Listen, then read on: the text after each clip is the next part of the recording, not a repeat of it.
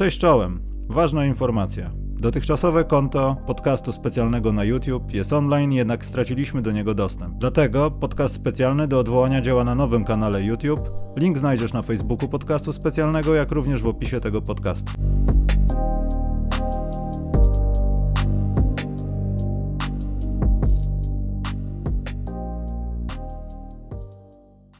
Chyba jesteśmy z Maćkiem, ze skandalicznym blogerem twitterowym. Dzień dobry Maciek.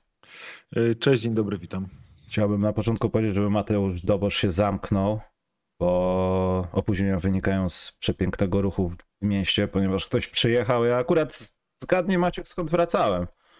Nie wiesz, że w Konstancinie szefowa szefów w Unii Europejskiej przyjechała, ja tam akurat byłem. Nie, szczerze mówiąc się kompletnie tym nie interesuje ostatnio. Ja też nie do momentu, aż...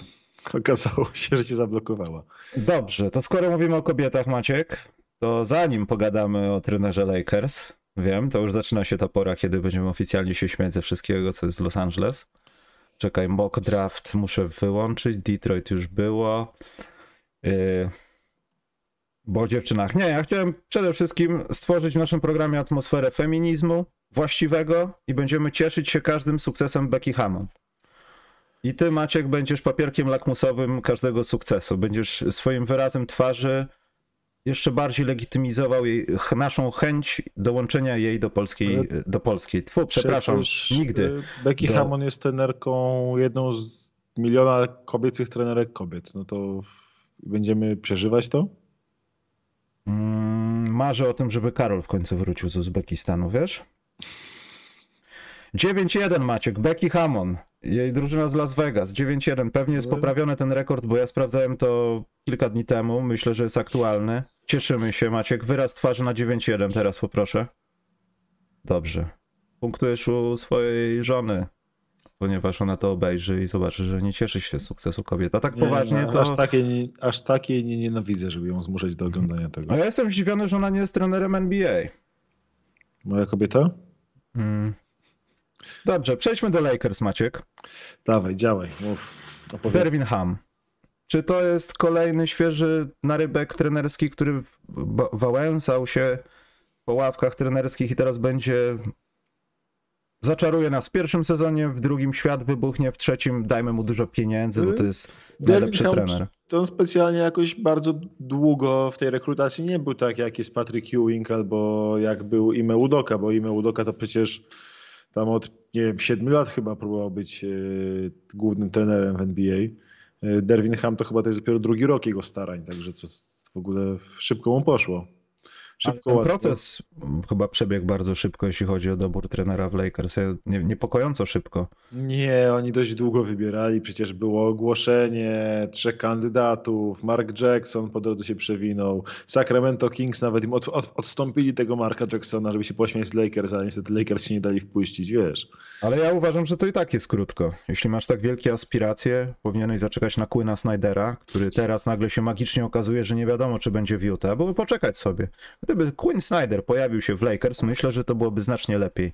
Co ten biedny Derwin Ham powie LeBronowi? Hej, kryłem cię jak miałeś 19 lat? A My... tu się możemy pośmiać. Tu się możemy pośmiać właśnie z tego, że Lakers, e, jak to Lakers e, się pośpieszyli troszeczkę z tym wszystkim. E, zabrakło im cierpliwości, no co za szok Lakers. Zabrakło im cierpliwości, zabrakło im troszkę... Mm, Zabrakło im troszkę takiego, mówię, wyrachowania na tym rynku, ale Lakers tak odkąd powiedzmy władzę ma Gini, yy, odkąd, ma, odkąd doradcą jest yy, Kurt Rambis, odkąd menedżerem jest Rob Pelinka, oni nie podejmują racjonalnych yy, decyzji, które są wyważone, żeby jakieś tam presje wywierać na rywalach, na kandydatach i tak dalej, tylko oni działają, o, działamy, robimy, a potem pomyślimy, czy zrobiliśmy dobrze. I tak, tak, tak to się toczy w tym La, La Landzie. Ale myślisz, że w ramach tego to są decyzje, z których jest zadowolona Jenny? Czy to są, bo przed sezonem mówiła, że źle się dzieje w państwie lakerskim i teraz to znaczy, że dobrze się będzie dziać? Wiesz co, wydaje mi się, że Lakers mają tego pecha, że i Rob Pelinka i Ginny Bass i nie wiem, kto tam jeszcze jest teraz odpowiedzialny tak naprawdę za decyzję poza nimi ich, dwój, ich dwójką jako takimi ich y, frontmenami, to tam jest ważniejszy jest wizerunek jak coś ma wyglądać niż to jak faktycznie działa. Typu Derwin Ham był y, rzeczywiście asystentem, który był uważany za jednego z lepszych asystentów w lidze, że y, ma dużą rolę na ławce Mike'a Badenholzera, że jest bardzo mądrym gościem i tak dalej. No i wszystko super to wygląda bardzo ładnie to zatrudnienie. Z drugiej strony nikt nie myśli o tym, że trudno sobie wyobrazić, żeby nie został zdominowany przez Lebrona, żeby się nie dał zdominować Lebronowi w tym wszystkim. E, żeby się nie dał zdominować nawet Davisowi czy Westbrookowi. Nie wiem, czy Derwin Ham będzie miał jako rookie coach przychodzący do Lakers, będzie miał pozycję, żeby powiedzieć e, Westbrookowi nawet to, co powiedział mu Frank Vogel w pewnym momencie, czyli stary siadaj, czwarta kwarta jest, nie potrzebujemy głupich rzutów. No, jeśli Westbrook tam zostanie, to ja nie widzę tam za bardzo tego, co Derwin może pomóc. To jest ta informacja też, że tam Russell Westbrook raczej już nie będą szukali jakiejś ziemi nowej dla niego. Co jeszcze, ty powiedziałeś właśnie w ostatnim zdaniu, że da się zdominować i tak dalej mam taką trochę kliszę kalkę z zeszłego sezonu. Albo może nie z zeszłego sezonu, ale ogólnie z każdego ostatniego sezonu plus minus po zdobyciu tytułu mistrzowskiego. E, wiesz, czy LeBron, czy trener. To są te same pytania i zwłaszcza przed tym ostatnim sezonem te pytania się bardziej nawarstwiały, co to będzie dalej, czy drużyna wybuchnie i ona implodowała, nie wybuchła. Wiesz, teraz patrząc z perspektywy czasu, bardzo możliwe, że ten duet Vogel-Kit był tak dobry, bo to był duet Vogel-Kit, tak? I że hmm. oni we dwóch powiedzmy mieli respekt u graczy i też byli w stanie forsować swoje rzeczy. Potem sam Frank Vogel już nie był taki, e, nie był w stanie tak mocno naginać graczy do siebie, jak powiedzmy ze wsparciem jakiegoś autorytetu, mądrości Jasona Kida. No i tutaj widzę, że no w sensie, jeśli derby, to jest wszystko zależy, tak przy rookie coachach wszystko zależy od ławki asystentów, tak, bo jest spora szansa, że on y, sobie dobierze takich asystentów, że nagle się okaże, ojej, będzie mówić, ojejku, najlepszy sztab w lidze. Coś w stylu jak zrobił Steve Nash przychodząc do Brooklyn Nets, że sobie nabrał asystentów lepszych od niego samego jako trenerów dzięki temu powiedzmy ten pierwszy rok wyglądał Nets e, ofensywnie bardzo dużo, dużo fajniej niż e, w drugim roku tak naprawdę ci Nets wyglądali, jeśli chodzi o ułożenie gry i tak dalej. I tak samo w playoffach dał, da, mogli mimo samego Duranta otoczonego takimi secondary e, graczmi powiedzmy, byli w stanie dociągnąć... Graczmi? Graczami, może. Dobre, graczmi. Graczmi. Byli w stanie dociągnąć e, Bucks do siódmego meczu i o, byli o cent, centymetr dosłowny od finałów konferencji i pewnie też finałów NBA, nie? A, e, ale to była kwestia sztabu, którą on zebrał, więc pytanie, jaki sztab zbierze Derwin Ham czy oni będą w stanie zapanować nad bardzo trudną szatnią Lakers. Mi się wydaje, że tutaj lepszy był trener doświadczony, lepszy był taki Quinn Snyder, który po kreseczce albo dwóch by wszedł w taki szał, że, Le, że nawet LeBron mu na, na, na drodze nie stanął, by się bało w ogóle tam zbliżyć po, po drodze. Mm, dziwne, że Lakers nie poczekali. Dziwne, że nie poczekali, że nie poczekali na lepszych kandydatów. Trudno mi uwierzyć, żeby Derwin Ham był aż tak rozchwytywany na rynku, że, żeby go zaraz e, ktoś, mi, ktoś im go sprzątnął sprzed nosa, nie mogliby poczekać tygodnia, nie mogliby napisać do agenta Queena Snydera słuch, SMS-a, słuchaj, chcemy ciebie, Oczywiście żadnego tamperingu, nie? Ale żartowaliśmy. Żartowaliśmy, jakby co. To jest taki żart. Queen, żart, yy, cudzysłów, chcemy ciebie. No co ty, na żartach się nie znasz?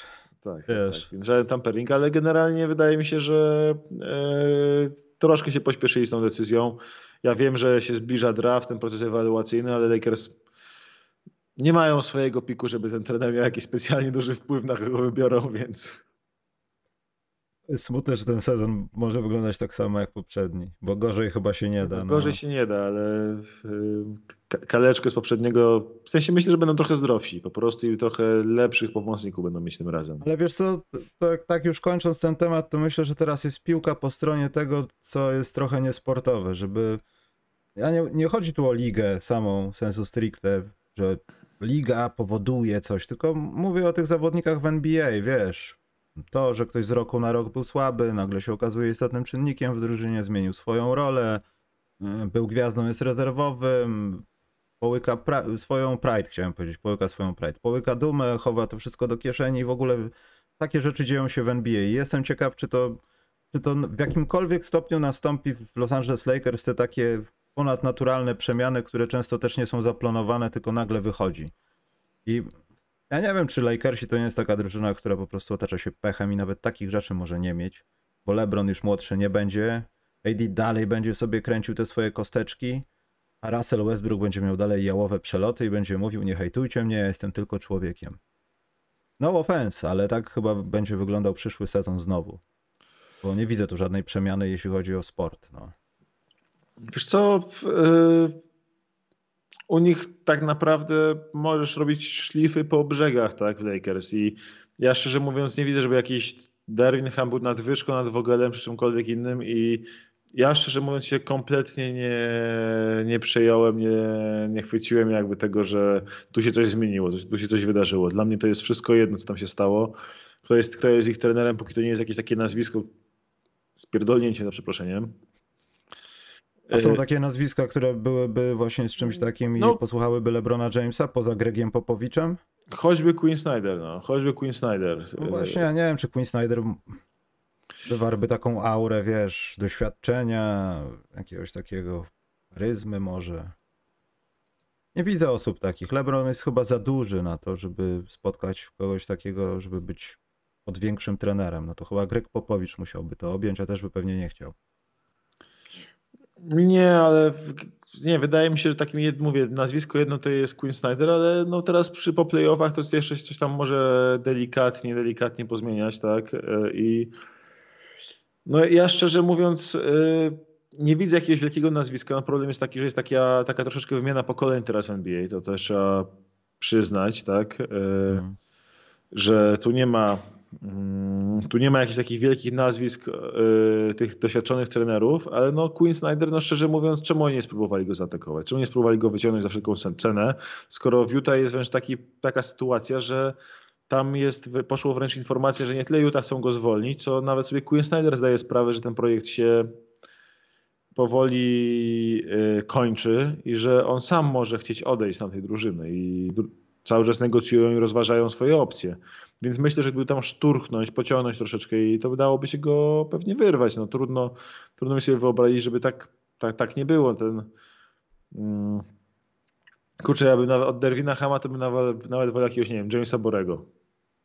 No nie, nie, Maciek, nie, nie, nie, to już chyba nie. nie. On, był, on był dla mnie dobrym trenerem tam. On był dla mnie tam dobrym trenerem. Y, jest paru trenerów zdecydowanie, których bym zdecydowanie wolał od, e, od, e, od Hama jakby i no ale spoko. Niech sobie Lakers robią co chcą, nie będziemy się przyjmować drużynami spoza playoff, e, tankerami bez pików. Dokładnie tak, 13-14 zmarnowanych minut na temat tego, poza Becky Hammon oczywiście, bo to nie był zmarnowany. Nie no, słuchaj, może skoro gadaliśmy o Lakers, teraz może opogadamy, nie wiem, o Sacramento Kings albo nie, Washington myślę, że... Wizards. Nie, jedna okolica wystarczy, w sensie jak rozmawialiśmy o Lakers, to już nie, nie no, będziemy no, o Clippers, już Kings. Nie, nic się nie dzieje w tych playoffach, te nudy straszne, no to pogadajmy, nie wiem, o, skoro są Lakers, to może Kings, może jacyś e, Wizards, może Pacers. Czy to jest twoje błaganie o to, żebyś mógł się wypowiedzieć o drafcie znowu? Nie, w sensie Taki już skoro mówimy o gównianych drużynach bez perspektyw, to mówmy dalej. Maciek, bo wiesz, Maciek, no wiesz co się stanie, jeśli ludzie tego posłuchają stamtąd. Rozszarpią cię, Maciek. Niech, niech atakują. Ale, je, ale mogą sobie szarpać. Tankujący fani nas nie interesują. Tak jest. Tylko Bulls i Detroit. Paryż. Tylko to nas interesuje. Potem mogę umrzeć. Zobaczysz, tak jest. To, to, jest żałosne, żeby w dzisiejszych czasach. Ach, nieważne. Słuchaj, wiesz, że biorę, ja biorę akredytację na Twitterowicza. Dzień dobry, jestem Twitterowiczem. Poproszę akredytację. Z kanału sportowego z takim zdjęciem. Nie. Jaki kanał sportowy? Kanał sportowy jest większy, czy Twitter jest większy? Panie. Ja mam, jestem certyfikowanym Twitterowiczem. Widzisz, źle do tego podchodzisz. Ty jesteś za, ma, za, za duży na nich. Oni są za mali na ciebie, a nie dam. A. Ja cię będę uczył PR-u. Dobrze, Maciek. Coś ja miałem powiedzieć. Eee, chyba, że przejdziemy do playoffów. A, chciałem się zapytać, czy będziemy rozmawiali na pas. Chcesz się. Nie, ważniejsza rzecz jest. Bo, Maciek, ja sobie screenshot zrobiłem, bo tam chciałem zobaczyć, co, co na Yahoo bredzą bo były jakieś dziwne zdjęcia na temat draftu. No i na Yahoo jak wchodzisz, masz trending. No. Trzy pierwsze artykuły, Maciek. LeBron James dołączył do Michaela Jordana jako tam miliarder. Iga Świątek w finale i w ogóle Iga Świątek. Czy to Bardzo dobrze. Nie na... Powiem wam szczerze, tenis stołowy i ziemny. No nie, stołowy lubię, a ziemny jest beznadziejny. Nie mogę tego oglądać Dobra. jakoś. Nie. To ja ci powiem, jest to ja powiem jedną ciekawą rzecz. Ale. Pola, Polak, w końcu Polak komuś kopie, już nie powiem co, to jest piękne. I to nie jest mały żaden, w zimie nie skaczą. Każde dziecko może tą rakietkę wziąć, sobie popykać mniej więcej. Bardzo ładna rzecz to jest. Nie, to jest monstrualny, monstrualny temat Iga Świątek, tak? I tutaj y, nie ukrywam, to jest jeden z najbardziej prestiżowych, największych sportów na świecie. No taka jest prawda, który przy okazji, y, gdzie mamy absolutnie najlepszą zawodniczkę, ona będzie miała po Roland Garros pewnie dwa razy więcej punktów niż druga łapka w rankingu, to jest w ogóle abstrakcja jakaś. A poczekaj, to ty pewnie będziesz wiedział, bo ja tego nie śledziłem. Ta pierwsza, co taka była chyba z Australii i zrezygnowała, bo stwierdziła, że już nie chce zarabiać pieniędzy i Ashley Barty. tak. To jest tak, że jak ona się wypisała, no to jak gdyby wypadła z rankingu. To już dawno. Tak? Czy Iga Świątek na dzień dzisiejszy, nawet jakby ona była, no i nie grała, wiadomo, żeby utrzymać ten sam poziom punktów, to by wyprzedziła ją w tych punktach, Tak. czy jeszcze nie? Tak? Tak, już tak, już tak. No właśnie, nie wiedziałem, jak to jest liczone, jak długo jej to Nie, zajmie. by już wyprzedziła, jest Iga absolutną demolkę tam robi, jeśli chodzi o te punkty, będzie miała zaraz, ma ten początek roku absolutnie historyczny, trudno było mieć lepszy początek roku w tenisie niż ona ma, poza, musia, musiałaby jeszcze wygrać tylko e, Australian Open, gdzie przegrała właśnie z tą Barty. Barty trzeba szanować za to, że nie kochała jakoś bardzo tego sportu, zamiast się zajeżdżać jak Agassi całą karierę, sobie uzbierała hajsu i powiedziała, dobra, mam w hajs do końca życia, moje wnuki mają hajs do końca życia, W sporcie to jest nienaturalna rzecz. Ja nie potrafię sobie znaleźć jakiegoś innego sportowca, który z tego samego naprawdę powodu, a nie dlatego, że tak mówię, a tak naprawdę kłamie, bo jest inny powód, rezygnuje z kupy kasy. Wiesz co, jesteś, jesteś świetny, jesteś świetny, ale nie, nie kochasz tego sportu, więc yy, możesz być świetny w pracy, możesz być świetnym programistą, i, a potem piszesz apkę, która ci zarobi paręnaście milionów dolarów. To będziesz dalej programistą, jeżeli, jeżeli tego nie lubisz? Nie wyobrażam sobie być w czymś dobrym, jednocześnie nie lubiąc tego. A widzisz, a niektórzy są tak utalentowani. No w Chyba, NBA, że jesteś snajperem i nie lubisz zabijać ludzi, ale musisz. No i co, w- świetnie strzelasz. NBA mamy sporo graczy, którzy mm, nie lubią tego sportu, a grają, bo są tak utalentowani fizycznie, mają tak łatwo im przychodzi koszykówka. No, Wymienię jednego, którzy oficjalnie nie, lubią, nie lubieją koszykówki macie. Yy, Bracia Collins tam mieli tę sytuację, tak? Yy, Że tam dwóch z trzech nie lubiło za bardzo sportu, który uprawiało. A koszykarze Maciek, Yy, aktywni. Z aktywnych, czekaj, z aktywnych. yy, Larry Sanders też już nie grał. Nie, z aktywnych, yy, czekaj, bo to jest paru gości. Ja na przykład nie jestem pewien, I czy Najman Zion. nie jest w NBA, Maciek. Ja bym Od powiedział, razu że. Zion nie, nie, może nie lubić koszykówki tak bardzo. Nie, nie. Zion jest prostolinijnym człowiekiem i on lubi pieniążki. A jak lubi pieniążki, musi lubić koszykówkę. Nie, on lubi pieniążki, ale nie lubi aż tak koszykówki. Lubi koszykówkę, lubi. Nie, ja myślę, że jest sporo takich graczy, teraz nie będę szukał na siłę, ale myślę, że Irving. pewnie jest. Ktoś tu napisał, że Irving, Kyrie Irving oczywiście. ale Kyriego nikt nie lubi. James Harden też może aż tak koszykówki nie kochać.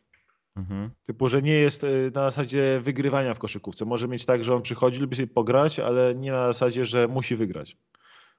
Chyba nikt nie widzi czegoś takiego, żeby James Harden przeżywał jakoś strasznie porażki, żeby miał taki drive po prostu, że on musi wygrywać. Kyrie Irving, no i do zakład, że dla Kyriego Irvinga koszykówka nie jest y, ulubioną czy, czynnością na świecie. To a propos tych porażek, to jednak może chwilę o tym możemy porozmawiać. Jimmy Butler z tym rzutem. Dla mnie, słuchaj, masz, dobra, mów. Ja napisałem cały tekst o tym, rzucie, o tym jednym rzucie. Po tym jak się obruszyłem najpierw w trakcie meczu, zwyklinałem Jim- Jimmy'ego Butlera, byłem lekko w szoku, potem przespałem się z tym, pomyślałem o tym, obejrzałem jeszcze raz końcówkę i jeszcze raz końcówkę. Była strasznie ciekawa, no i szczerze mówiąc doszedłem do tekstu, który taki sam, sam ze mnie wypłynął i wydaje mi się, że ten rzut był nie tylko w pełni usprawiedliwiony, ale wręcz dobry. Ależ dobry, że nie trafił? Nie, dobry rzut, oddał dobry rzut. Nie trafił go, ale oddał dobry rzut. To jest tak, że on myślał, że trafi. Gracze, No tak. W finale konferencji naprawdę zaczął ostrożnie rzucać za trzy punkty. To było wręcz ze strachem takim, że były kwarty, gdzie dostawał piłkę, no rzucę. I to była pierwsza trójka i widać, że była taka a, bez przekonania, wiesz, bo mogłem podać, mogłem wejść pod kosz. To nie były jakieś wymuszone rzuty. On się po prostu bał rzucać. Rzecz może Nie. tkwi w tym, bał się że- rzucać w playoffach na trzy? w sensie bał się, no, że mógł oddać co najmniej ze dwie, trzy trójki więcej. W niektórych sytuacjach oddawał piłkę zamiast rzucić, a jak miał już rzucać, to już było często to takie, że nie miał wyjścia na Ale przykład, on- albo chciał się sprawdzić. Bo on jest tak tak, dobry na półdystansie atakując kosz, że mu te trójki oddają obronę, a on te, rzuty, a on te rzuty jest bardzo, bardzo selektywny w tych rzutach. Ale spójrz, niesamowitą dosyć statystyką jest to, y, że on tak, on w sezonie zasadniczym y, oddał w tym sezonie y, 116 trójek. Trafił 27 tylko z nich, bez nadzieja. Ale w playoffach oddał 68 trójek w 17 meczach. Czyli w 17 meczach oddał y, więcej niż połowę tych rzutów, co oddał wcześniej w, sześć, y, w 57 meczach sezonu zasad- zasadniczego. Skoczył z dwóch trójek na mecz w sezonie zasadniczym na oddawanie y, czterech trójek na mecz. Bo musiał Maciek, bo musiał. Nie, po Przypomnijmy sobie, i- jak Miami wyglądało w playoffach, kim musieli grać, kim nie musieli grać. No i niestety na koniec dnia tak to jest, że Jimmy Butler lepiej, żeby rzucał niż Ale- Gabe Vincent. Musiał, ale i tak skoczył z 23% za 3 na, dwa- na 34, zwiększył ilość i zwiększył też skuteczność. To, jest, y, to się prawie nie zdarza. Po prostu Butler w sezonie zasadniczym, i to historycznie pokazuje, nie przywiązuje żadnej wagi do trójek. Potem w playoffach właściwie co roku mu skuteczność leci dramatycznie w górę za 3. Le, rośnie mu ilość prób i skuteczność za 3. Po prostu wtedy zaczyna ten rzut dużo mocniej ćwiczyć i dużo mocniej pilnować tego rzutu, jak mu już obrona go daje, tego bierze. I szczerze mówiąc, to jest tak. W tej sytuacji yy, Heat byli cudem w tym meczu. To gigantyczny brain fart yy, Bostonu, yy, zwłaszcza Markusa Smarta i Jalena Browna, że oni w ogóle dopuścili Miami Heat do, do tej końcówki. Znaczy, Bo- przepraszam Maciek, ja widziałem może trzy mecze takie w NBA w ostatnich powiedzmy 10 latach, licząc y, mecze regularne, nawet o nic, że drużyna, która była lepsza na parkiecie, bo ją widziałeś, że jest lepsza, drużyna, która prowadzi w decydujących, nie wiem, sytuacjach, kiedy jest blisko wynik, to oni mają przechwyt, to oni mają blok, to oni mają zbiórkę w ataku, nagle przegrywa. I wynik się nie zgadza. Ja naprawdę mało widziałem takich spotkań, które były aż tak rażące, bo ten No. rzut Butlera to już by załamał absolutnie wszystko, co się stało dobrego dla Bostonu w tym meczu. To by była najgorsza porażka, gdyby Butler trafił, to by była najgorsza porażka w NBA, jaką widziałem w życiu. Nie, no widziałem gorsze. Jaką? Po, po, podaj jedną. Chicago Bulls, które prowadziło 35 i Sacramento ich To był dojechało. finał konferencji? Mówimy o meczach, Maciek. To był finał konferencji Elimination Game? Nie podoba mi się twoje podejście do tego. Pytałeś o mecz.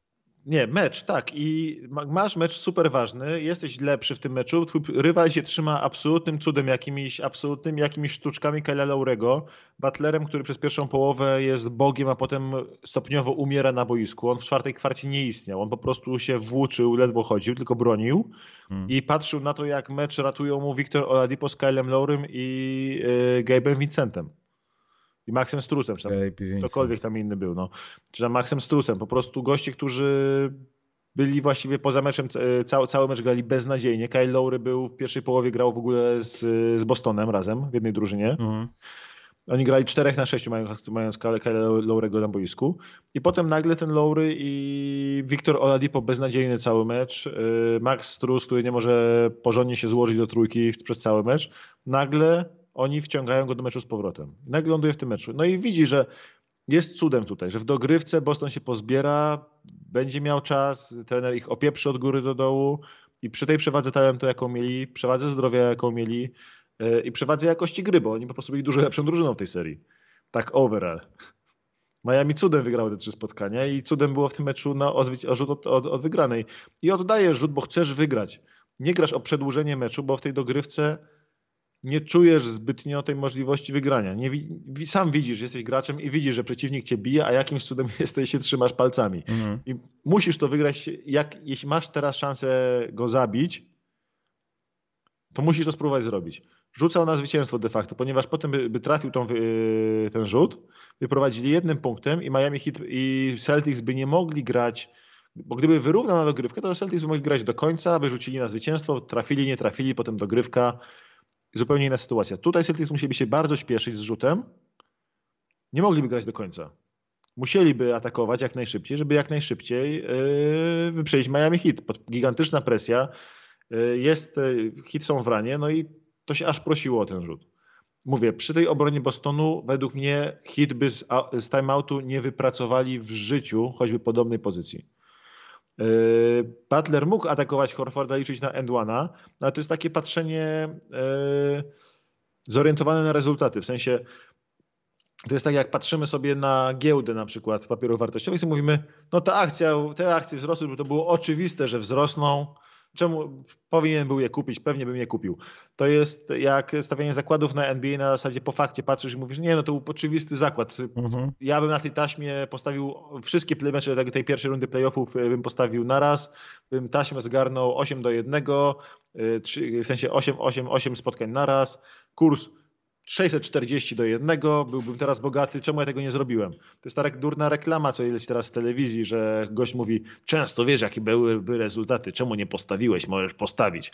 No, to jest bzdura, to jest myślenie zorientowane na rezultaty, typu sobie teraz wizualizuję, że Butler by zaatakował Horforda 1 na 1, Horforda, który jest genialny w obronie 1 na 1 w tym sezonie i w tych playoffach, który był pewnie najlepszym obrońcą do bronienia Butlera 1 na 1, jeśli chodzi o atakowanie kosza. Nie mówię o półdystans, mówię o atakowanie kosza.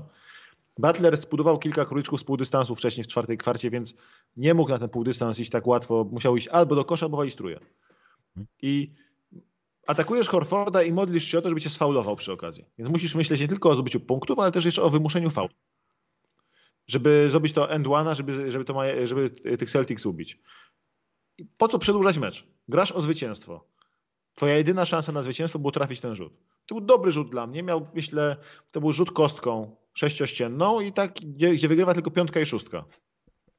Sześciościenną. No, no ale tak to wyglądało. No. Wygrywa tylko piątka i szóstka. Ale Wy... mówię o takim, wiesz, dramatyzmie też, że ten mecz tak idzie, to jest jedyna twoja okazja, wiesz, to jakby nagrać alternatywne zakończenie do Avengersów, tylko że e, Doctor Strange ci pokazuje zero zamiast jeden. W sensie pokazuje ci jeden, ale to nie to jeden. Że albo szubienicę, że wiesz, co robić. Tak, nie, Tony musi... Stark zakłada rękawice i nagle spłonął, nie zdążył pstryknąć. Stryknął, coś się zepsuło tam. Tak jest. Y, nie, ale tutaj po prostu według mnie y, no mamy tą sytuację, że mieli szansę to wygrać, to była myślę ich jedyna szansa to wygrać, żeby on trafił tą trójkę. Y, obrona kryła bardzo szeroko, kryła jego kolegów dosyć ciasno, pewnie tam by nie było pomocy, po prostu Boston postawił wszystko na Horford obroni Butlera pod koszem atakując Horforda pewnie by miał trudniejszy rzut niż ten rzut za trzy. Hmm. Oddał rzut za trzy, nie trafił, ale on całą karierę zbudował na tym, że bierze takie rzuty, że bierze na siebie całą odpowiedzialność i jak mu się uda jest bohaterem, jak mu się nie udaje jest zwykłym, smutnym dupkiem, któremu się nie udało, ale szczerze mówiąc kinam do tego, bo gość y, zrobił to, od czego jest Miami Heat. On jest, od, on jest od oddawania takich rzutów. Oddał, nie trafił, Według mnie to był dobry rzut i najważniejsze było też to, że oddał go szybko, miał idealną pozycję, oddał go szybko.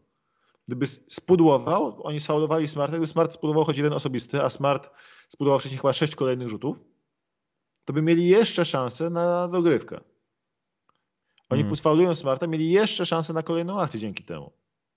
Tak? tak? Więc e, to, że oddał ten rzut szybko, przegrywając dwoma punktami, też było ważne. To nie jest tak, że nie rozumiem kompletnie głosów, że on powinien grać do końca, albo że powinien grać długo, albo powinien grać, wziąć czas, albo powinien grać za dwa. Masz wygrać mecz. Zrobił wszystko, żeby wygrać mecz. Od tego jest.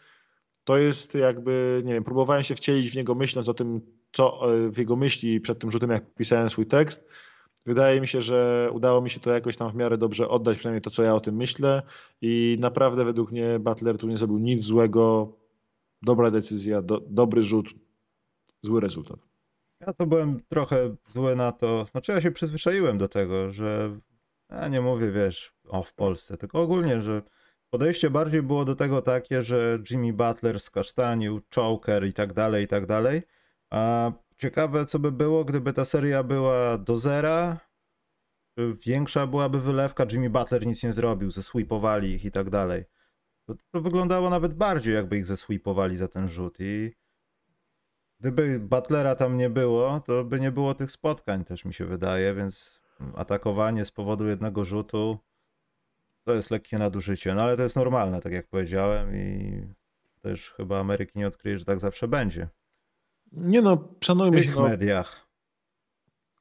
Szanujmy się, no to jest tak, że u nas jakby była jakaś taka znowu polska szkoła koszykówki. A u nas jest jakiś hejt na to, tak? Na ten rzut? Tak. Straszny hejt w Polsce, po prostu dyskusje, że debil, że co on zrobił, że jak tak można. 20 sekund do końca odda, palisz, palisz rzut, wiesz. Goście tam z, Bo w Polsce z... MMA oglądają, oni myśleli, że do parteru zejdziesz. Nie, oczywiście polscy koszykarze półzawodowi, którzy grali na poziomie od ekstraklasy do jakichś niższych lig też to komentują. A że tak? To zły rzut, y, że coś tam. Nazwiska. Szczerze mówiąc, w NBA y, w NBA y, to jest dobry rzut. Każdy człowiek z NBA mówi, że to jest dobry rzut. Butler mówi, że to był dobry rzut. Nie wpadło. Eric Spelstra mówi, dobry rzut, dobra sytuacja, powinien rzucać, od tego jest. JJ Redick mówi, bardzo dobry rzut, po prostu on, Redick mówi, że się nawet nie oburzył w tym meczu. Mówi, że cholera spudował pull-up trójkę w trakcie oglądania meczu, nie powiedział, ale mówi, że w ogóle nawet nie myślał o tym, czy to jest dobry czy zły rzut, bo to po prostu była naturalna decyzja na poziomie hmm. NBA. Ale w Polsce Mondrale jednak nie, nie, beznadziejny rzut do, do bazy, za, za to y, zjazd do bazy od trenera Andrzej Urlep, urwałby mu jaja. No, bez jaj, no w sensie naprawdę grasz o wygraną, zagrał o wygraną, nie wyszło mu, no trudno jakby się y, tutaj bardziej nad tym... Y, Ale naprawdę koszykarze, czy robisz sobie żarty? Ze naprawdę teraz? koszykarze. A gdzie można znaleźć, żeby teraz nikogo nie hejtować? To na Twitterze wszystko można na znaleźć. Na Twitterze, wszystko na Twitterze. Ja nie widziałem, ja tam na widziałem. Twitterze każdy jest najmądrzejszy jakby, to jest tak, że y, ten... Ja też, wiesz, w pierwszym odruchu, taki na, przyzwyczajony do takiego patrzenia starego na koszykówkę, typu idziesz po dogrywkę i zobaczymy, co z tego wyjdzie. Bo jesteś z NBA i zawsze trafiasz. Yy, tak, bo w NBA na pewno trafisz penetrację pod, z Zawsze Horfordem. Bo jesteś w NBA, macie. Jak nie masz nóg. Yy, I yy, najpierw wymyślałem Butlera, ale mówię, potem przemyślałem to, przespałem się z tym, obejrzałem tą końcówkę kolejne dwa razy, no i jakby ten rzut, kurczę, no decyzja była według mnie bardzo dobra, rezultat zły, ale na boisku do koszykówki niestety jest tak, że bardzo wiele dobrych decyzji ma złe rezultaty. Hmm. Sam właśnie przed chwilą odpadłem, nie wiem, z amatorki gdzieś tam w jakiejś yy, yy, UNBA, gdzie ćwierćfinale graliśmy z rywalami, których byśmy pewnie ograli, gdyby nie to, że e, kolega ode mnie z drużyny, który trafia normalnie 45% za 3, poszedł w tym meczu w 1 na 16.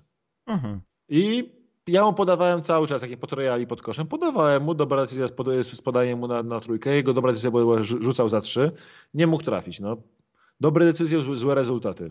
Nic na to nie poradzisz. Czasami jest tak w koszykówce, że to jest gra, gdzie możesz mieć dobre decyzje, możesz mądrze myśleć, ale masz elementy losowości. Tak samo jak w pokerze.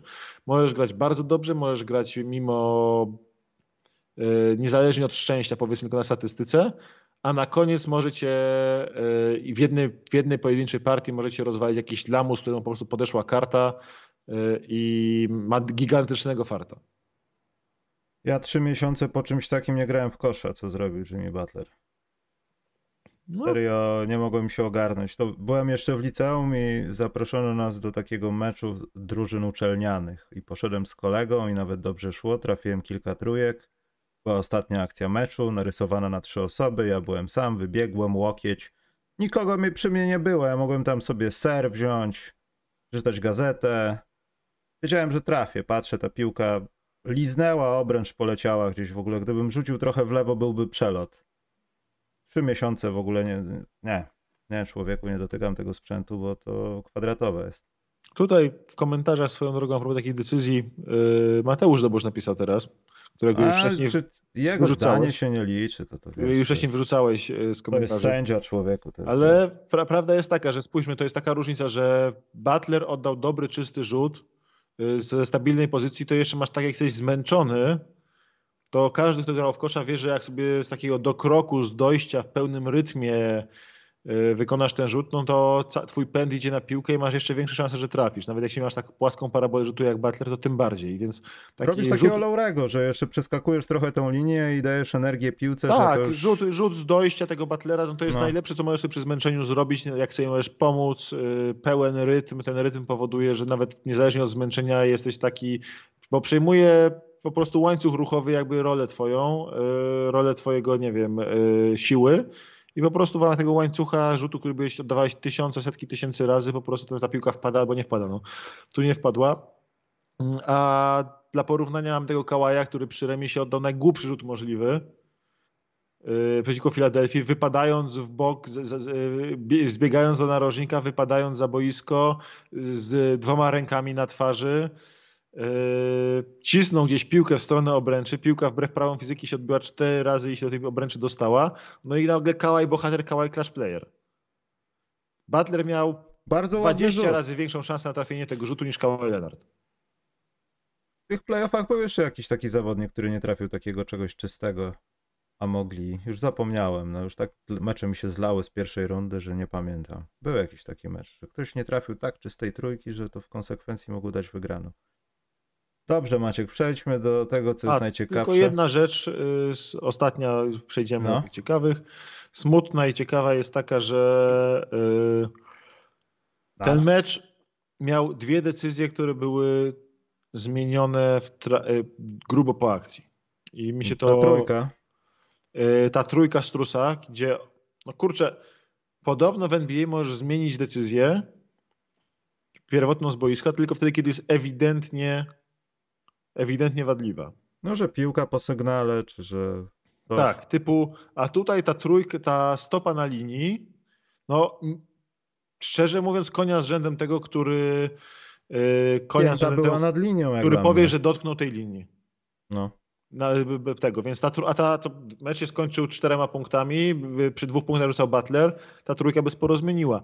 Tak samo drugi gwizdek, i może gwizdki z tej serii były równe, ale akurat są oczywiście dwa kluczowe gwizdki, y, które zostały cofnięte, bo sędzia ma prawo do błędu, ale jakby zmiana decyzji po gwizdku jest już y, mocno słaba, jeśli jest taka kontrowersyjna. Właśnie chodzi o tą piętę strusa i drugo chodzi o to, że jak tam była taka zbiórka, że chyba Grant Williams zebrał piłkę, że piłka musnęła brzeg obręczy, sędzia gwiznął, że jest po akcji, obrona Miami stanęła, Grant Williams zebrał tą piłkę i dobił i sędzia najpierw e, powiedział, że nie ma kosza, a potem zmienił decyzję, że jednak jest kosz, a nie dał piłkę z boku, Maja, a nie dał piłkę z boku Bostonowi. No w sensie jest gwizdek, że po, po, po, po akcji, no to obrona już e, nie obroni tak ostro, nikt nie skoczy do tego bloku niepotrzebnie, żeby tam jakiegoś faulu czy czegoś głupiego nie zrobić, technika nie dostać. Tutaj gwiznęli i to, i to były dwa punkty dla Boston, które zostały uznane mimo gwizdku w trakcie akcji i po gwizdku goś oddał rzut, a i tak mu to uznali. To jest przedziwne. I tak samo przedziwne było to cofnięcie tych punkt, trzech punktów Strusa.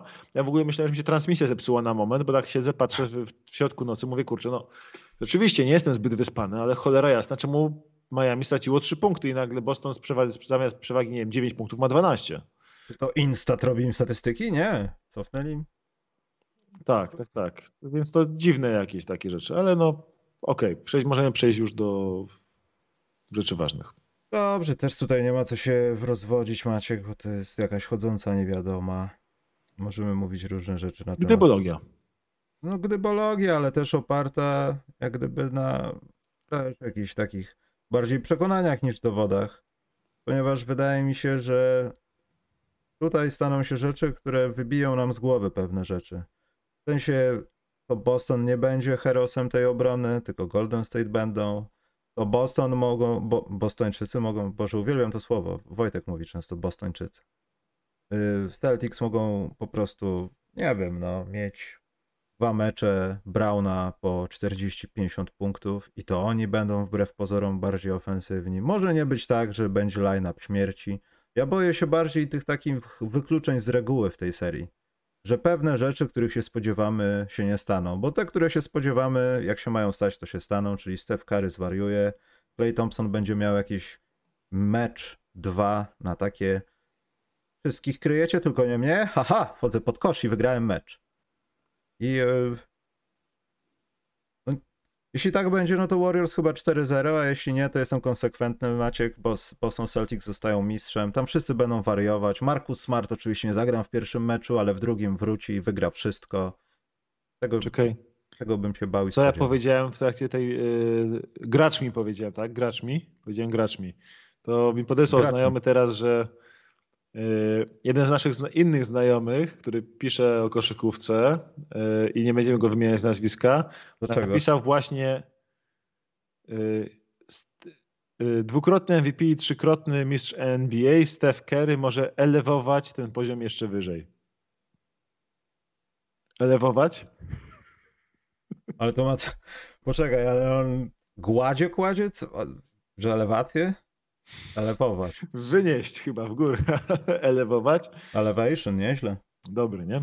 Dobra. Y, a co do samej serii, Ja szczerze mówiąc stawiałem wcześniej, yy, w sensie tak pierwszy mój typ w ciemno jeszcze w nocy po awansie, yy, po awansie Bostonu, to było takie intuicyjne 4-2 dla Warriors, który nie jest najbardziej logicznym typem, ale takim bardziej oddającym według mnie różnicę, jaką czuję między tymi drużynami. W sensie 4-3 nawet mogłoby być. Coś między 4-2 dla Warriors mi się wydawało, a 4-1 dla Bostonu nawet, że może być. Ale po dłuższej analizie, i to naprawdę spędziłem sporo czasu nad tym, wydaje mi się, że Warriors mogą wygrać nawet 4-1. Aż tak? I tak, i to nie wynika z tego, że Warriors są lepsi na 4-1, bo są lepsi na 4-3, ale z tego, jak się, powinny, jak się mogą lub powinny ułożyć spotkania. Mam wrażenie, że tak, że pierwszy mecz Warriors wygrają yy, łatwo i zauważalnie. Yy, to wynika z tego, że, że na, na wschodzie od bardzo, bardzo dawna Boston nie widział takiego ataku. Maciek? No. E, czekaj, bo ja sobie ściągnąłem z, z NBA Media Central wypisko Warriors. Wiesz, potem ludzie w telewizji udają, że się znają, a to jest wszystko w PDF-ie.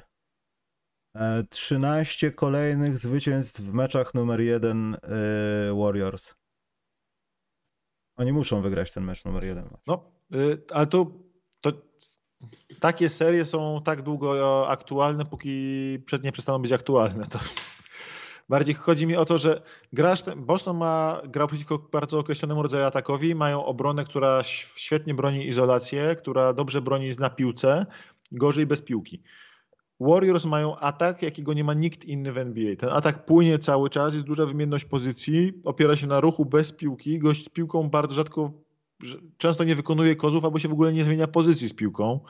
I ten atak jest dramatycznie inny. Richard Jefferson, to zaklął dzisiaj mówił, Richard Jefferson kiedyś powiedział, że wyjście z konferencji wschodniej na atak Warriors to jest absolutny szok jakby kulturowy. Nie wiesz, co się, mm. co się, co się trafiło. To jest zupełnie inna koszykówka. I potwornie trudno jest po 12 wygranych, czyli tam kilkunastu spotkaniach, prawie 20 spotkaniach Młódzki y, na, y, na wschodzie, tej takiej trudnej, topornej koszykówki, Naprawdę nudzę, skoro wyszedłeś. To taki... Ale się wyłączyłem, nie, musiałem otworzyć drzwi, spoko. Nie, na takiej opornej młódzki, trudnej, jeśli po tych kilkunastu spotkaniach wychodzisz na zachód, na, na mecz z zachodem, w sensie z, z, konkretnie z Warriors i ta koszykówka jest taka bardzo szybka nagle, piłka krąży, gracze krążą, w ogóle co się dzieje, przecież my jak mamy kryć na piłce, to stoimy w miejscu, bez piłki cały czas mm. musimy biegać, to, to prawie się nie da wygrać tego, więc będzie Zniknąłeś z tego. Z, a, wyłączyłeś się, dobra. Mhm. Z, w każdym razie yy, i to jest, wydaje mi się, że dlatego Boston przy okazji, że jest zmęczony, że jest kontuzjowany, że miał bardzo trudne te swoje kolejne serie, zagrał 14 spotkań w dwóch ostatnich seriach playoffowych. Wydaje mi się, że Boston tej serii, tej, tego pierwszego meczu prawie nie może wygrać. I potem masz tak, te, potem ten drugi mecz się robi już ciężki gatunkowo mecz robi drugi ciężki gatunkowo, no bo wtedy już musisz wygrać u siebie, bo przecież e, e, drugi, chociaż jeden na wyjeździe, bo u siebie trudno ci będzie utrzymać przewagę własnego parkietu, zwłaszcza, że statystycznie nie grasz wcale lepiej u siebie niż na wyjeździe w tych playoffach. Mm. I jeśli Warriors wygrają drugi mecz u siebie, a wydaje mi się, że tak się stanie, to Boston, który jest bardzo doświadczony w playoffach, ale nie jest doświadczony w finałach, tam jest zero doświadczenia przy tym i pod inną presją jest, bo dla Warriors to jest Jesteśmy tu kolejny raz, dzień dobry, wygramy albo nie, Boston to jest kurczę, pierwsza nasza szansa dla Horforda, może ostatnia w życiu i tak dalej, i tak dalej. I wychodzisz i masz potem dwa mecze u siebie i masz oba pod gigantyczną presją. Jedną z tych spotkań wygrywają Warriors, jesteś w dupie. Już, hmm. te, już tego nie wrócisz. I wydaje mi się, że tutaj będzie po prostu 2-0 dla Warriors, 1-1 w meczach Bostonie, 3-1 po jakby znowu wrócą do San Francisco i w tym meczu na 3, przy 3-1 wyjdzie, wyjdą Warriors po prostu doświadczeniem, wbiją sztylet, pewnie Clay Thompson wyjdzie i zrobi Game 6 Clay Thompsona w, e, w, meczu numer 5, gdzie po prostu przyładuje 37 punktów e, na jakimiś chorych skutecznościach i sam się przekonałem dzisiaj e, rano do tego, że to jednak będzie 4-1. I to mimo tego, że Boston jest być może lepszy indywidualnie, bo bardzo możliwe, że Boston jest ogólnie, patrzę na cały skład, jest lepszy indywidualnie, ma głębszy skład hmm. i yy, tak naprawdę mają przewagę talentu i u Buków, u Buków mogli być faworytem, gdyby to były takie Gdyby to nie był dla nich pierwszy raz, gdyby nie byli wymęczeni, gdyby to nie był przeskok, ten przeskok taki jakościowy, bo są tak, potwornie to... trudnym matchupem dla Warriors, nie? Ale wydaje Doświadczenie mi się, że... może być ważniejsze niż koszykówka tak, sama w sobie. No. Doświadczenie no? i dynamika tej serii będzie dużo, dużo ważniejsza niż yy, sam mecz. A hmm. w crunch time niestety Boston jest absolutnie beznadziejny w playoffach. Oczywiście, wygrali ten mecz y, z Bucks kluczowy, te dwa kluczowe mecze z Bucks 6 i 7, a to były mecze crunch time'owe, bo w samych crunch time statystyki Bostonu są beznadziejne y, i było już widać, co się dzieje, jak i na nich spada gigantyczna presja w tej końcówce meczu z, y, w tej końcówce meczu z Miami. Kiedy im rączki drżały, Jason Tatum podejmował dobre decyzje, ale oddawał piłkę. Zamiast podjąć coś, ciut gorszą decyzję, ale samemu wziąć piłkę w swoje ręce, oddawał piłkę w ręce Markusa Smarta. Markus Smart nie przegapił okazji, żeby być bohaterem, ani jednej. Wszystkie zmarnował. Yy, Jalen Brown wbiegł po prostu jak Jalen Brown na 50 sekund do końca wbiegł Wala Horforda, kiedy mógł przy, plus, przy plus 6 chyba Bostonu, tak? E, mógł mm. kozłować 20 sekund i potem w niego wbiec, e, w, nie w Horford, tylko w tego, w Bama Adebayo. Mógł kozłować 20 sekund i potem w niego wbiec, ale on wybrał wbiegnięcie w czwartej czy piątej sekundzie akcji, kiedy im chodziło o zarządzanie zegarem, więc oni byli wszyscy kompletnie zesrani. Hmm. I wydaje mi się, że w finałach będzie ta presja, będzie ta narracja, pojawi, bo już się pojawia narracja, że oni może oni są faworytem, że ludzie stawiają na Boston, że mają lepszy talent, że yy, tutaj E, są trudnym matchupem, bo, ma, bo e, Warriors nie mają ich jak bronić, bla, bla, bla, bla, bla, bla i wydaje mi się, że się skończy i tak 4-1 dla Warriors. I to jest mój oficjalny typ 4-1 dla Warriors. Dobrze, ja to gdzieś potem będę publikował w komentarzach i tak dalej. 4-1 dla Warriors. Y, Karol na obczyźnie podwójnej. E, wojownicy w siedmiu, a ja, no ja muszę, no niestety ja muszę. Ja bym chciał w sześciu, ale ja wiem o tym, że Gdyby to nie byli Warriors, to nie obawiałbym się takich spotkań Bostonu, kiedy nie daj Boże prowadzą 15 punktami i już w trzeciej kwarcie może szalać oglądanie. E, Warriors są tacy, że jak mają 15 straty, to tym bacznie powinieneś ich oglądać, bo zaraz dojadą przeciwnika w cztery posiadania i jest jak gdyby mecz z powrotem. I no nie wiem, czy jakakolwiek inna drużyna obecnie w NBA ma takie regularne możliwości nie chciałbym też przegrać tego typowania, no ale muszę postawić jakoś, więc będzie Boston w siedmiu dla bezpieczeństwa, bo w sześciu ja nie widzę tej serii. Chyba, że coś się stanie z Warriors, nie wiem. No, Line-upy nie... nie zadziałają, Draymond Green nie będzie bronił, nie wiem, tego typu rzeczy. No. Według mnie Boston prędzej wygra w sześciu niż w siedmiu, jeśli już, ale to już inny temat jest, nie? Hmm. Jeśli Boston ma wygrać raczej w sześciu, typu, że będzie 2-2 po czterech meczach, wygra potem na wyjeździe San Francisco i potem musi siebie skończy i zajedzie fizycznie i atletyzmem, bo to jest takie, na koniec autentycznie to są moje dwa, przekonuję się do narracji doświadczenia, bo jednak finały to jest zupełnie inne zwierzę niż playoffy nawet i yy, przekonuję się do tego, że te 4-1 po prostu będzie z doświadczenia, ale ta różnica między zespołami jest wbrew pozorom tak niewielka, mimo że te 4-1 wydaje się bardzo mocnym typem na Warriors, hmm. że jeśli Boston ma to wygrać, to stają ich 4-2. I to znowu Całą można dobudować narrację do tego typu, że Boston jest bardzo, bardzo duży. Boston gra niewiarygodnie nowoczesną koszykówkę, bardzo dużo grając minut, zwłaszcza z Horfordem na centrze albo z Grantem Williamsem, że to jest. Yy, mają trzech skrzydłowych i jednego garda. I to dużego garda. Oni nie mają, oni grają taką prawie, że koszykówkę Dona Nelsona, yy, tfu, George'a, George'a Carla, tą wymarzoną, tak? Czyli, że na pięciu skrzydłowych prawie, że no Markus Smart może kryć skrzydłowych w obronie. Hmm. Bo Al Horford jest de facto skrzydłowym, Grant Williams jest de facto skrzydłowym, więc oni mają czterech do pięciu skrzydłowych w piątce z bardzo wymiennymi pozycjami. To jest taka koszykówka bardzo nowoczesna, która zresztą idę o zakład, że drużyny, które wybierają teraz w drafcie, nie musimy mówić o drafcie dzisiaj, wbrew pozorom nawet, y, to patrzą na to i to jest coś, co bardzo mocno podwyższa szanse Jeremiego Sochana, bo kreujący skrzydłowi, świetnie broniący, Boston jest oparty na tych graczach świetnie broniący, kreujący, dobrze podający, mądrzy skrzydłowi. I ci gracze są wypełniani. I dla mnie idę o zakład, że ta seria podwyższa szanse Jeremiego Sochana i mu y, do wyboru w pierwszej dziesiątce draftu. To, co Boston robi jakby w tych playoffach. I Boston rzeczywiście ma kim Stefa Kerego. Markus Smart pewnie jest najlepszym obrońcą na Kerego w lidze, przynajmniej nie w serii playoffowej, bo w serii playoffowej podejrzewam, że Steph Curry znajdzie na niego milion sposobów. Y, ale Markus Smart jest świetnym obrońcą na Stefa Kerego. Clay Thompson będzie miał problemy, pełne ręce roboty z kryciem Browna, Tatuma, którzy będą go atakowali. On jest mniej. Yy, on jest powiedzmy mniej atletyczny niż kiedyś był, więc już nie jest takim dobrym obrońcą. Będzie atakowany w obronie wręcz. Jordan Poole będzie miał bardzo trudne życie, bo, gdzie nie, bo zawsze będzie krył Jordan Poole gracza silniejszego od siebie. Zawsze. Nie ma opcji, że on będzie mógł odpoczywać w obronie. Jordan Poole hmm. będzie atakowany zawsze, w każdej sekundzie bycia na boisku.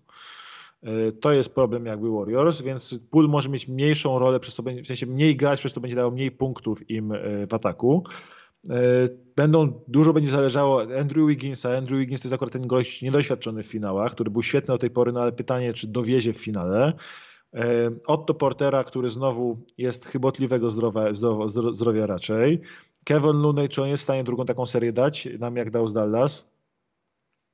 Też pytanie, bo to nie jest y, tytan zdrowotny, że tak powiem.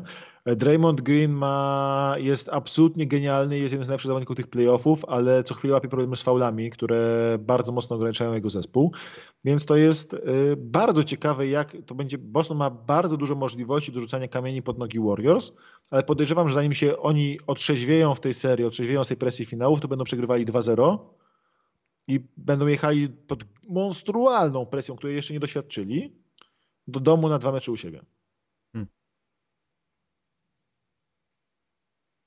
Teraz tak myślę, czy nie zmienić typu. Ale nie. Nie, nie, nie, nie. Czyli w takim układzie ktoś z nas przegra w tym typowaniu. Czekaj, albo, żeby... albo ja, albo wy. To żeby tak nie było, że gołosłowny jestem. Bilet też masz? Co? Bilet masz? Bilet? No, do autobusu. Golden State. Moja Boże. córka dzisiaj posuwa w koszulce cały dzień po, po domu w koszulce Stefa Kerego, więc yy, cóż, rodzina nie ma innego wyboru. Rodzina autobusowych Ja też nie ukrywam, że moje serce jest, jest w Warriors po części, ponieważ poza, yy, poza Detroit kibicuję od tak, dobrych tak, 10 tak. lat Warriors. Nawet od 20 Maciek. Ja znam wiele takich osób, które kibicują nie, właśnie nie, nie, w ten sam sposób. Powiem Kate'owi w styczniu po prostu całą prawdę, jak to jest z wami wszystkimi. Wymienię się z imienia i nazwiska i powiem, you know him, he is from Poland. Sezonowiec, sezonowiec, kibic sukcesu.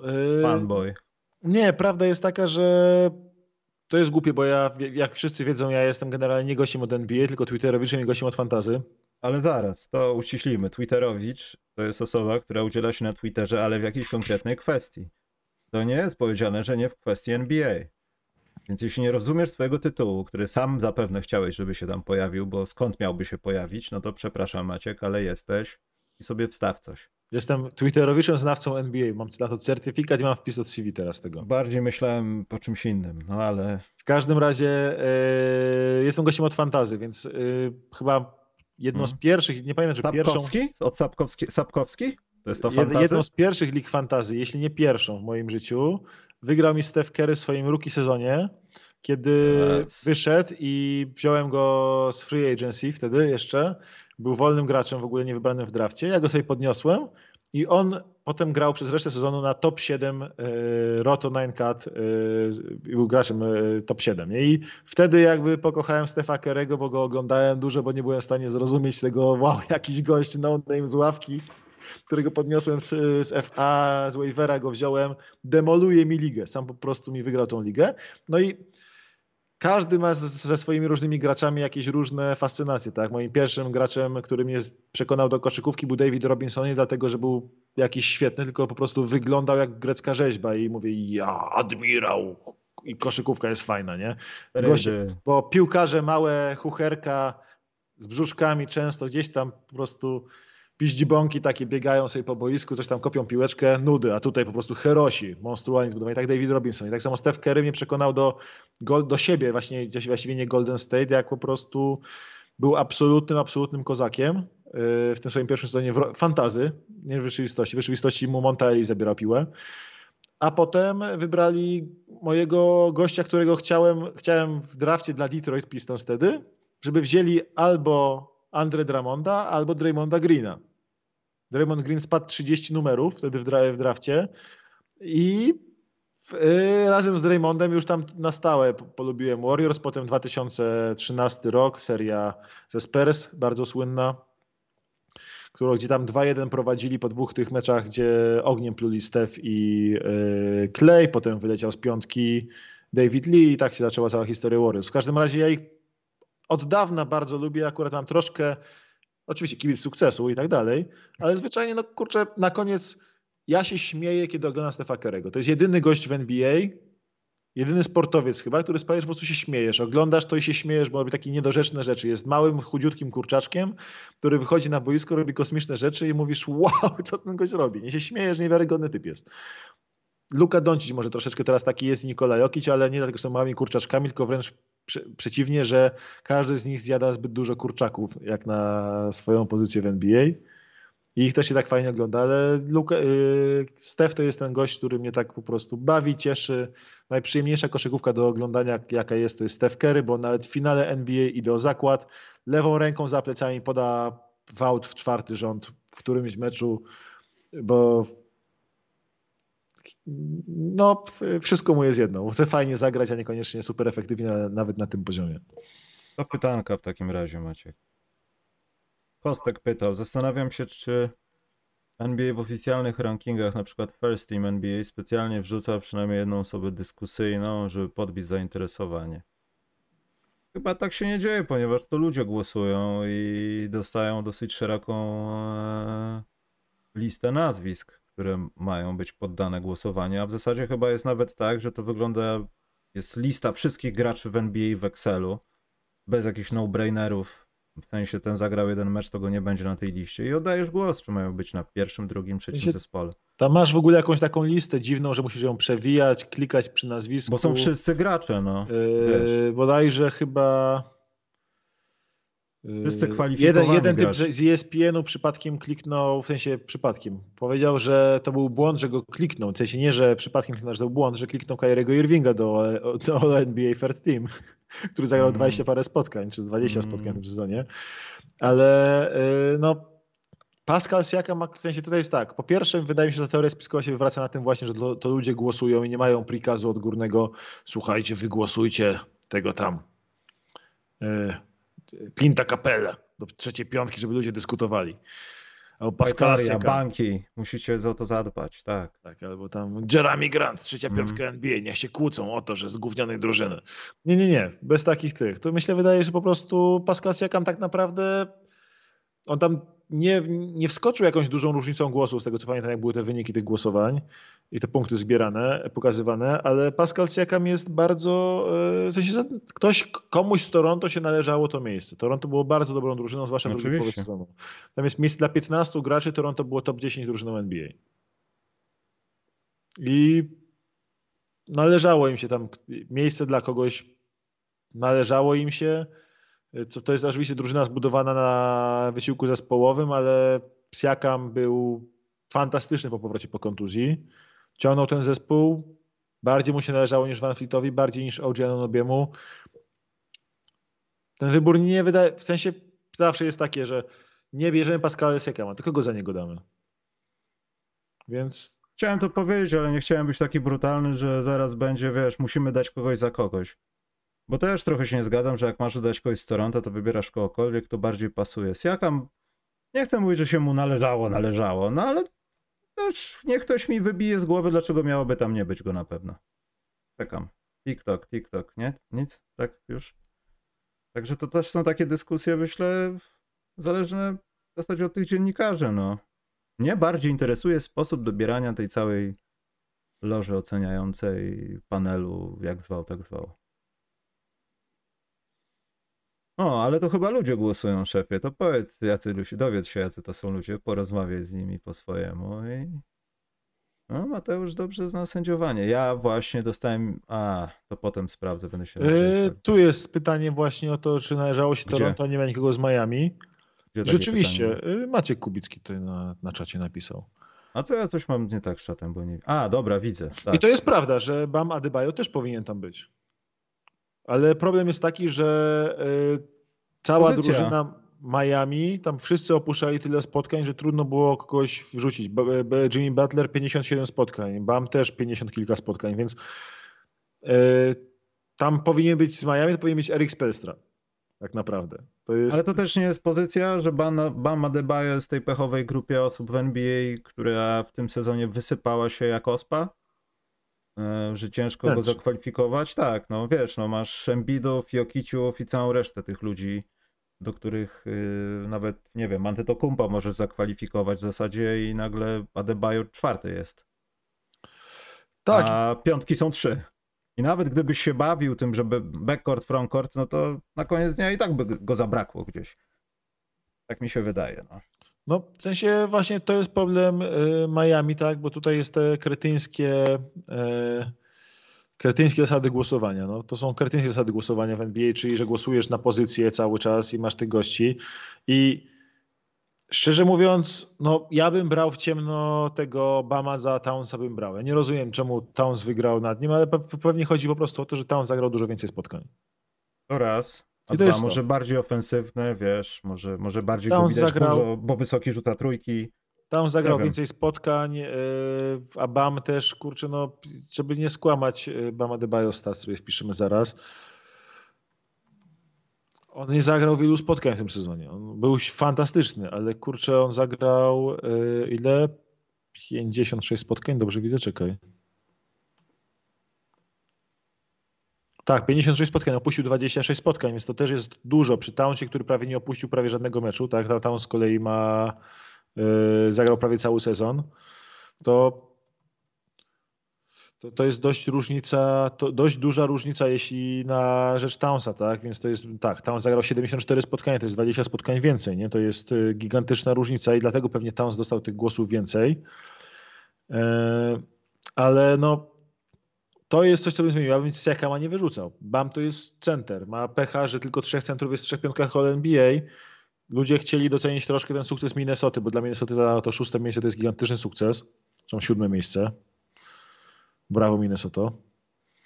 E, ale no, szczerze mówiąc, to jest tam jedyna rzecz, gdzie można się czepić tego Bama, bo Butler, szczerze mówiąc, był kontuzjowany i nie grał tak dobrze w sezonie zasadniczym. Tam Miami ciągnęło, Miami ciągnęło z zespołowym wysiłkiem, obroną i Erikiem Spelstrą bardziej niż poszczególnymi graczami, więc ja bym Siakama w ogóle nie wyrzucał. Ja bym co najwyżej wyrzucił Townsa i wstawił, yy, i wstawił właśnie tam Bama. Zaraz spojrzę, jakie tutaj były różnice, szczerze mówiąc, y, w głosach, bo to jest ciekawe. Mm. Maciek, dlaczego tak znanego blogera jak Twitterowicza, przepraszam, jak ty, nie ma na filmiku od NBA Europe z typowaniem? No, słuchaj, może, może jeszcze nie sprawdzili mojego CV nowego. No bo ja jestem, Kamil Hanas jest, jest Gambit, 19, 19 do 8 na Warriors w typowaniu jest na przykład pan Majewski, co kulą pchał, tak? Czy on dyskiem rzucał? A ciebie nie ma, Maciej. Czemuż? Eee, wiesz co? Dobra, nie obchodzi Swoją nie drogą, swoją nie drogą. Obchodzi mnie to. Ciekawa rzecz, że jak daleko był Bam od typowania, bo Bam miał tylko 28 punktów, miał mniej punktów niż Rudy Gobert. Mm. To, jest, to jest idiotyczne akurat dla mnie, nie? Ale, Ale może Rudy Gobert, obrońca, wiesz, to jest jakiś dysonans poznawczy dla niektórych ludzi, trzeba dać więcej głosów. Ja nie rozumiem, albo wszyscy w Utah mieszkają, no, albo jestem hejterem Rudiego Gobert. No, to, to, to możliwe jest Nie, nie, nie rozumiem jakby do końca tego, że mówię, ja bym nie brał Townsa nad nim, ale Towns zagrał statystycznie, jakbyś postawił sobie linijkę koło linijki Townsa nad Bamem, to masz też dużo lepszą, nie? Ale kwestia jest różnicy w tym, że w tym wyniku. Ja bym wziął Bama przed nim, bo Bam jest lepszym graczem według mnie po prostu od Townsa. Po prostu Bam jest lepszym graczem. Widzieliśmy to w finałach, konfer finałach konferencji. We dwóch z Butlerem ciągnęli całą drużynę i prawie wyciągnęli finały ligi, nie? A Towns był tylko drugimi, dru, drugimi skrzypcami w drużynie, a momentami nawet trzecimi e, w meczu pierwszej rundy, gdzie Rzym, a gdzie Krym, nie? Hmm. Dobrze, to jak nie ma jakichś pytanek, to idziemy sobie. Ja mam tylko takie, e, e, że za 7 godzin mecz, tak? Mniej więcej. Coś takiego.